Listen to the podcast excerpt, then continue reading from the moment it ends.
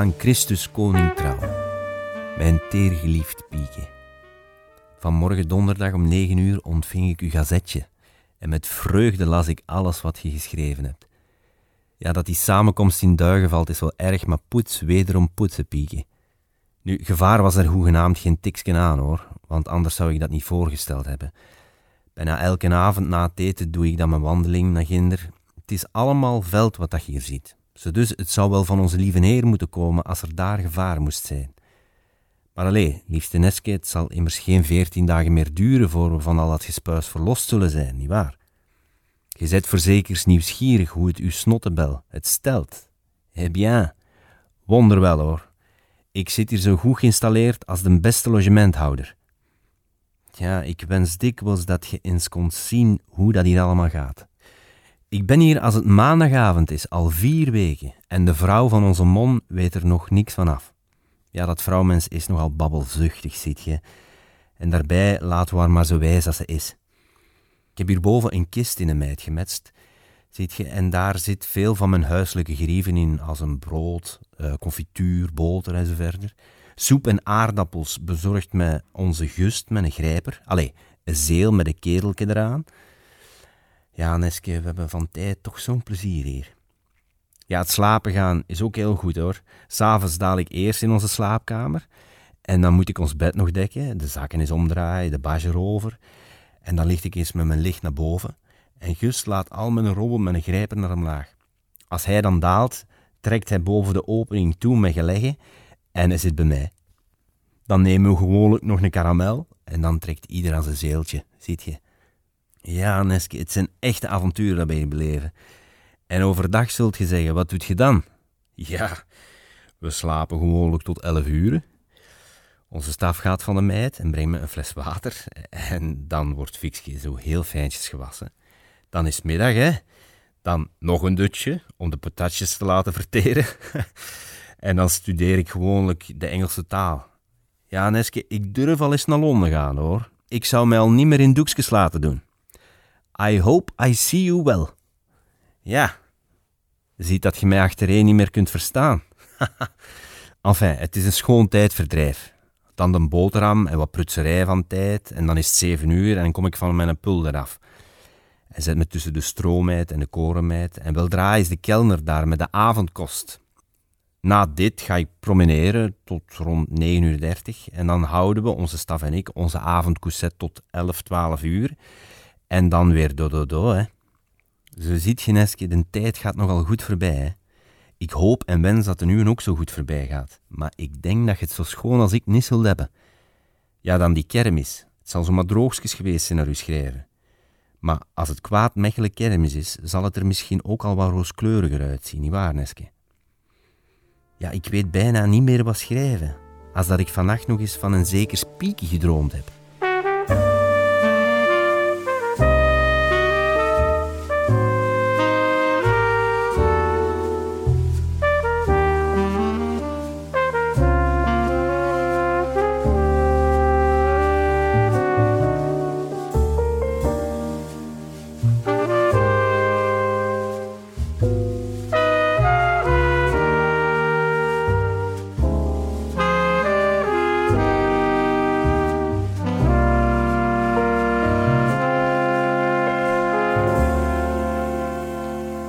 Elke keer ik een brief van Vaken lees, verwonder ik mij erover hoe positief hij eigenlijk is. Ook in deze vierde brief omschrijft hij eigenlijk vrolijk hoe zijn dag eruit ziet. Precies alsof hij gewoon op vakantie is. Ergens denk ik dat hij dat gewoon doet om mijn moeken niet te ongerust te maken. Maar dat weet ik natuurlijk niet zeker. Misschien leefde hij wel effectief als God op een korenmeid. Verderop in de brief wordt de sfeer trouwens wel wat grimmiger. En ik vrees zelfs eventjes voor een zwarte pagina in onze familiegeschiedenis. Maar dat hoor je straks wel. In deze aflevering neem ik je mee naar het fort van Breendonk, waar ik met Dimitri praat, want hij heeft ooit met mij vaker gesproken en zou dus verhalen rechtstreeks van hem hebben.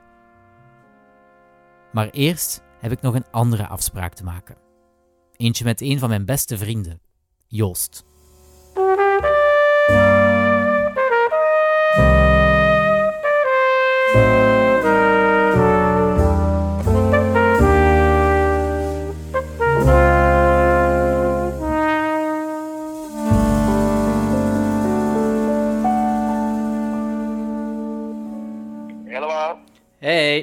Zeg, ehm, jij weet van die podcast dat ik aan het maken ben, hè? Ja.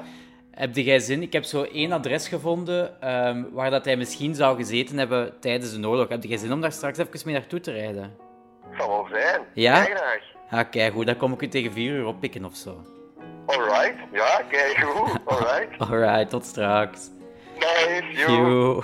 Mijn afspraak met Joost om naar de geheimzinnige adressen uit de brieven te rijden, dat is iets voor vanavond.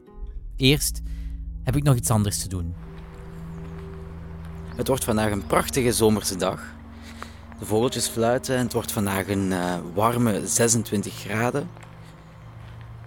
En ik wandel nu door de poort van misschien wel de koudste en kilste plaats van Vlaanderen. Het fort van Breendonk. Elke keer weer overvalt het mij. Hoe mooi de dag ook is, vanaf het moment dat ik de grijze betonnen muren van het fort zie, gaan mijn haren omhoog staan van de koude rillingen. Als je niet weet wat het fort van Breendonk juist is, dan kan ik je wel echt aanraden om er eens een bezoekje te brengen. Ook al voelt het een beetje dubbel om dat te zeggen. Nergens ga je trauma van Wereldoorlog 2 in ons land zo goed voelen als daar. Het fort deed tijdens de overname van de Duitsers dienst als overgangskamp voor verzetslui en Joden. Het was hun laatste halte voor ze vanuit Mechelen naar vernietigingskampen gebracht werden. Maar vergis u niet. Breendonk moet helaas voor niets onderdoen aan de doodskampen. Want ook al waren er geen gaskamers, mensen werden er mishandeld, gefolterd, geslagen of geëxecuteerd. Onmiddellijk ligt er één vraag op mijn lippen. Zou mijn grootvader, als hij gepakt zou geweest zijn, hier beland zijn? Ik ontmoet Dimitri, voormalig curator van het kamp en iemand die al jarenlang onderzoek doet over Wereldoorlog 2. Al moet hij mij eigenlijk onmiddellijk een beetje teleurstellen. Het was in 2004 dat ik daarmee begonnen ben. Ehm, dus het was al vrij laat ehm, voor veel van de getuigen eigenlijk. Ja, waren al redelijk veel getuigen overleden, maar ik heb nog ehm, redelijk veel mensen kunnen spreken en toch ook wel een aantal personen die, die belangrijke postjes hadden. Zo. Ja. Ehm, het grootste probleem was dan, nou, ik spreek natuurlijk over 2004, ik had toen eigenlijk al die interviews of gesprekken, of, hoe- of hoe dat ik het ook moet noemen, moeten registreren, maar ik heb ze niet allemaal. Nee. En ik, van hem heb ik het niet. Daar ben ik vrij zeker van. Helaas, de rechtstreekse verhalen van Vaken zijn verloren gegaan in de tijd. Maar gelukkig zijn er nog andere zaken te bespreken. Want als Dimitri onderzoek deed naar de Senderlo in de oorlog, dan moet hij zeker wel dingen weten over de daden van verzetsleden. En gelukkig weet ik die, vanuit het Rijksarchief. Ik neem de lijst er snel even bij. Gedurende weken gaf hij drie Russen eten terwijl ze in de bossen verscholen waren.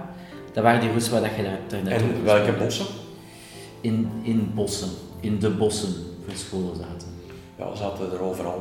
We zaten er overal. Dus dat is heel moeilijk om daar namen op te plakken of specifieke dingen. Dus dat, dat, gaat hem, dat gaat hij niet vinden.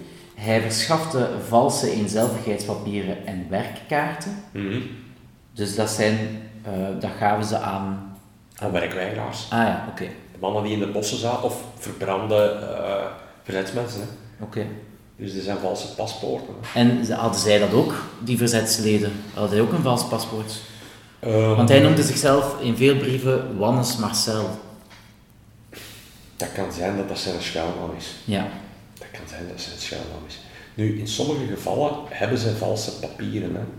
Eh, als ze gezocht worden en, en ze moeten ergens naartoe, en, en dan hebben ze meestal valse papieren. Maar ik denk niet dat iedereen valse papieren had, want die, die, om aan die paspoorten te geraken, moesten ze overvallen plegen op eh, gemeentehuizen, of moesten ze daar dief, oh, iemand hebben die daar onder tafel meegaf. ja. Of, ehm, dus ja, die paspoorten waren ook wel eh Dat was niet evident om aan te. Ja, ja, daar moesten ze risico's voor nemen, dus ze konden dat ook niet zomaar aan iedereen geven. Hij, ehm, hij verschafte inlichtingen over aanslagen op zwarte en geld? Ik denk dat het eerder is dat hij inlichtingen inzamelde over eh, personen en hun activiteiten, op basis waarvan ze dan nadien eventueel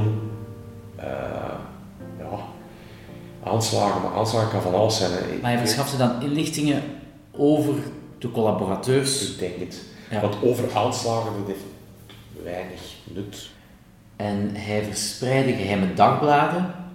Dat, zijn dan, dat is gewoon informatie aan de bevolking geven. Dat is sluikpers. Dus um, dat heb ik ook nog niet zo heel lang geleden uh, ontcijferd hoe dat, dat ging. Ja. Dus meestal um, komt er eigenlijk op neer dat men um, een bundel krantjes kreeg die niet onder censuur stonden, die ze zelf vervaardigden binnen de verzetbeweging. Meestal bij de BNB is dat Unie Toujours of uh, steeds verenigd. Dat is hun sluitblad, maar dat kan even een lokale versie zijn, dus dat kan, dat kan niet uitsluiten. En dat werd eigenlijk verspreid, zoals een postbode, bij hun abonnees. Dat is ah, heel, heel belangrijk.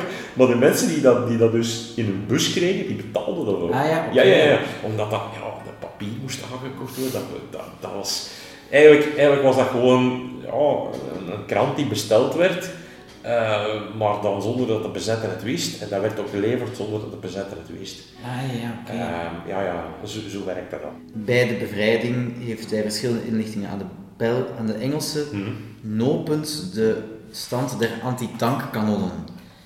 Ja, dat zal, Wat wil dat zeggen? Dat zal een kanaal zijn. Ah ja denk... Uh... En dan komt er een heel technische uitleg die ik u ga besparen. Het komt er eigenlijk op neer dat mijn vaken de Engelse geallieerden geïnformeerd heeft over de staat van de bruggen, omdat de Duitsers deze opgeblazen hadden. Hij liet dus weten waar het veilig was om over te steken en waar absoluut niet. Of dat is toch hetgeen dat ik ervan begrepen heb. Het is me nu wel duidelijk welke taken mijn vaak in het verzet juist allemaal ingevuld heeft, maar ik vraag me nog steeds af waarom hij juist moest vluchten. Er is, er is een, op een gegeven moment is er een probleem. Ik heb nooit geweten waarom, maar er is een probleem. Um, in mei 44, als ik me Dit is in juni, is hij. Voilà. Um... Maar rond die periode, ik, ik schat mei 44, april, mei 44, voorjaar 44 in elk geval, moet een van de grote kopstukken uh, van de verzetsbeweging uh, onderduiken. Dat is een naam die je waarschijnlijk ook wel zult tegenkomen, Lucien van de Pril. Blijkbaar werd het te warm onder zijn voeten. Um, zijn naam moet genoemd geweest zijn. Uh, dus ze moeten echt achter hem gezocht worden. Vanaf het moment dat hij van een bril dus is moeten gaan vluchten, zijn er heel veel mannen van de, van de verzetsbeweging Waarschijnlijk. Het BNB Limburg is op een gegeven moment verbrand. Ja. En, uh, Verbrand als in, ze wisten wie dat was. Ja, ze beginnen stilaan, allee, ze beginnen te dicht op de hielen te geraken. En dan zijn ze een aantal, waarschijnlijk zijn er een aantal die dachten van, ze hebben mijn, de, ja, ik zit op een radar. Het werd dus warm onder de voeten van de verzetsleden. Op het moment dat hij dat zei, kon ik me niet meer bedwingen. En stelde ik die ene vraag die al vanaf het begin al vanaf het binnenwandelen van het fort zelf op mijn lippen brandt. Stel dat hij tijdens zijn vlucht opgepakt zou geweest zijn, zou hem dan hier terechtgekomen zijn? De kans dat hij hier zou geraakt zijn, bestaat. Dat, dat is, maar het zou even goed zijn dat hij in Antwerpen of in Hasselt in de gevangenis. Maar het parcours voor de meeste mensen in het Sendero die opgepakt zijn, is niet Brainlock.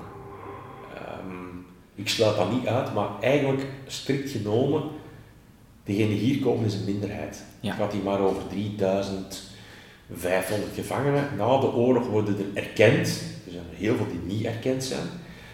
42.000. Dus we spreken over een pak meer. En ze zijn ook niet allemaal naar Duitsland gebracht. Er zijn ook die vrijgelaten zijn hier in België. Die in, in Sint-Gilles gezeten hebben tot aan de bevrijding. Dus dat is, dat is een blinde vlek waar we eigenlijk heel weinig over kunnen vertellen.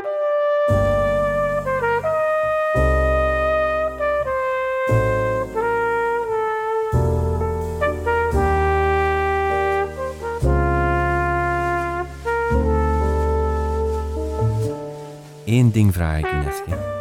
Wees voorzichtig. En uw fonds ook op de laatste dagen. Want ik denk dat de grijze pier nog aardige zaken zal doen voor hij vluchten moet gaan. Surtout Fons, hij moet maar bij u thuis werken of anders niks doen, want de Gestapo is tot alles in staat.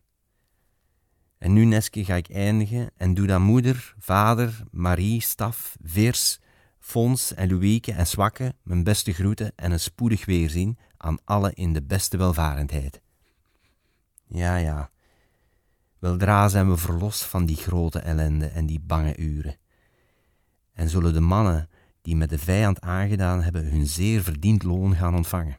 Ja, Neske, er zal werk aan de winkel zijn, hè. En ik zou mijn part er ook van willen hebben. Mannen die me aan het leven stonden, onder andere Pauwels en compagnie, die zullen we dan eens onder vier ogen nemen. Ja, Neske, het is voor mij zo'n groot offer al dat nieuws te moeten horen vertellen hetgeen de partizanen nu uitrichten. Moest ik het niet doen voor ons vader en voor u? Ik zou hier geen minuut blijven zitten hoor. Maar nu ben ik zedelijk verplicht. Maar anders zou ik al lang de baan op geweest zijn. Daarvoor koopt mijn bloed te zeer van razernij op die gestapelduvels. Onze lieve Heer heeft ons nu gespaard, maar dat hij ook zo goed wezen van ze is te laten vangen om hun straf toe te dienen. Gisteren kreeg ik nog bericht van een makker van mij uit Grootvorst, die hebben ze echt doodgemarteld. Ja, Neske, vergeef het mij hoor, maar ik kan me niet blijven inhouden. En ik hoop maar dat ik de mannen die ik wens te pakken zal kunnen krijgen.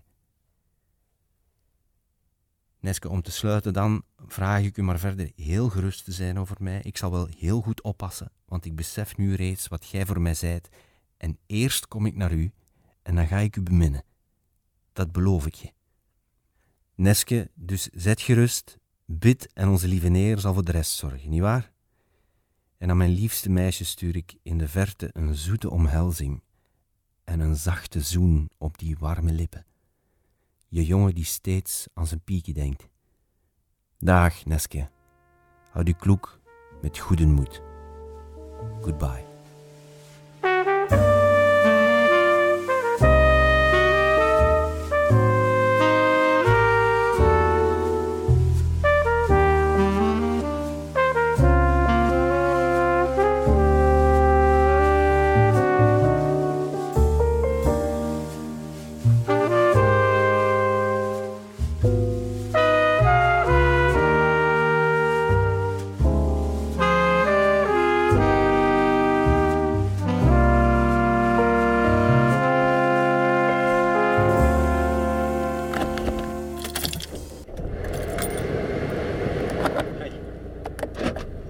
Yo yo. Heb jij een nieuwe auto? Ah, heb jij die nog niet gezien? Nee, hè? Ik vind dat een keer leuk. Mijn Chevy. hè. Ja, hè? Ik zal je een keer uitleggen wat het idee is. Hè. Dus er Ja, zijn spannend. eigenlijk twee plaatsen in die brieven Ja. dat een adres heeft. Dus waar mijn grootmoeder brieven naar moest sturen. Ah. En ik heb totaal geen aanknopingspunt of dat daar überhaupt nog mensen wonen ah. Die. Die daar iets mee te maken hebben. Ja. Maar het is mijn enige aanknopingspunt om daar gewoon een keer langs te rijden. En gewoon een keer te gaan aanbellen van... Heerlijk. Hallo, Ja. wie zijn jullie en kunnen jullie mij helpen? En in het slechtste geval is dat zo, oh nee, we hebben dat huis vijf jaar geleden gekocht. Voilà, exact. En dan moet je proberen. Heb je, ja, hebben ze dan zo nog een telefoonnummer of zo van die mensen? Exact, maar in het allerbeste geval woont daar iemand die, die dat effectief weet of zo, of die dat een zou kind is zijn. van, of Ja. zoiets. Kijk hoe. Spannend, hè? Maar dat, was dus nooit een, dat waren geen adressen waar dat zij woonden. Nee, dat, ja, ik denk dat hij op dat moment ondergedoken zat in een soort korenmijt. Dus Wat is dat? ja, zo'n ehm, een berg koren Ah, ja. met een basjover. En daar heeft hij dan onder een slaapplaats gemaakt met keuksken en een badkamer en zo. En daar heeft hij dan drie maanden gewoond, blijkbaar. Ik weet ook, dat staat in dat is- brieven, hè. Hoe doet je dat zelfs? Crazy, hè? Hoe doe je dat? Hoe doet dat zelfs? Ik zou het niet weten, Joost. Maar mijn grootvader heeft het wel gedaan. Voor zover ik weet zelfs drie maanden lang. Of we die korenmeid nog gaan vinden, daar heb ik mijn twijfels over. Die bestaat waarschijnlijk al lang niet meer. Maar die twee adressen, die maken mij toch heel curieus. Want wie woonde daar juist? En wat was hun rol in het leven van mijn vaken? Misschien vinden we wel iemand die mijn vaken toen ontmoet heeft. Of misschien zelfs iemand die hem onderdak gegeven heeft. Ah, 20. Hier. Oh, oh, dat was nog een oud huis. Wacht, hè. we gaan even terugrijden. Oh ja, trouwens. Sorry voor die achtergrondmuziek. Dat is spannend. Ik ben daar, ik ben daar nu echt zenuwachtig voor. Ja, ik ook. Maar god, dat is echt een super oud huis en er is ook echt nog niet veel aan gedaan, precies. Even niet Natalia. Er staat wel een... Ah nee, daar staat... Het is echt nog een oud huis. Ja, en die tuin zag er nog redelijk onderhouden uit. Ah, maar wacht, dit is 18. Daar moeten we Dat is zijn. 20. Oké, ik ga me hier even pakken. Ja. maar zo spannend. Alright.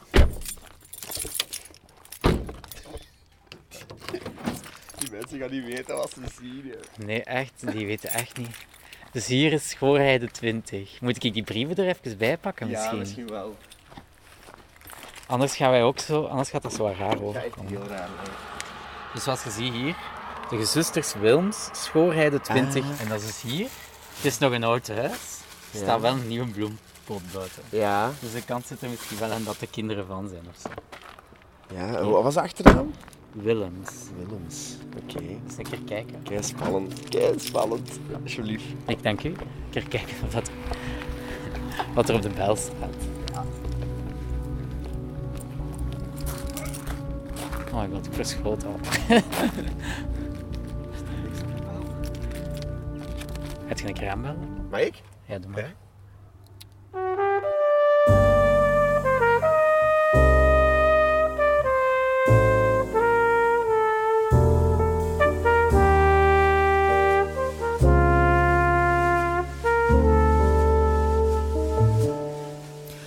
Christus koning trouw, mijn lieve schat. Het is weer eens ons lieve vrouwtje dat ik mag bedanken, want mijn beste, ik wist waarachtig niet wat aanvangen. Ik weet niet of u al gehoord hebt wat dat er hier aan de snap is voorgevallen. Maar dat onze burgemeester er is omgekomen, is weer eens een beruchte geschiedenis. En je zult wel begrijpen dat er van dat uitstapje van zondag niks kan komen. Maar ik zal komen op de plaats waar wij de eerste munt samen zijn gekomen. Zondagnamiddag vertrek ik van hier rond twee uur. En lieve, ik zou willen dat u me tot dan niks meer schrijft als het niet goed is. Het is me ook goed als ik eens voor niks moet rijden. Dat geeft niet. En dan schrijft je maar eens in het midden van de toekomende week een simpel briefje. Ik heb er deze week al twee ontvangen, maar ik hoop dat dit lesten niet nodig zal zijn. En dat we weer eens gezellig samen zijn, en snottebelleke. Meer ga ik je nu al niet schrijven, want het is werkdag en oogst en alles is hier tamelijk goed aan boord. En dan stuur ik nog vele groeten van gans familie Klepkes en een innige hartekus voor jou. Je pieken.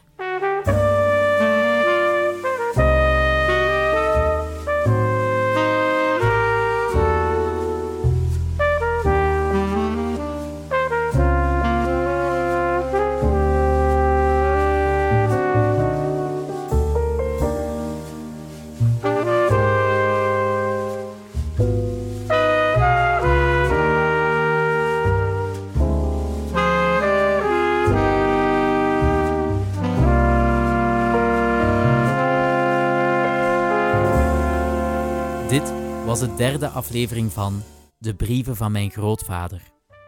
Merci Dimitri voor uw kennis en uw inzicht. Het verhaal van mijn vaken is voor de helft verteld nu. We weten welke verzetsdaden hij allemaal gepleegd heeft. Maar waar heeft hij zich juist schuilgehouden? In de volgende aflevering zet ik met Joost de zoektocht verder. Wat? Oh my god. Oeh, dat is eng. Ja. En ik doe een zeer speciaal belletje. Oh ik ben zenuwachtig, ik durf niet. Vergeet ook deze aflevering niet te reviewen. En geef mij misschien ook een follow. Je zorgt er zo voor dat het verhaal van mijn grootvader verder verspreid kan worden. Dankjewel.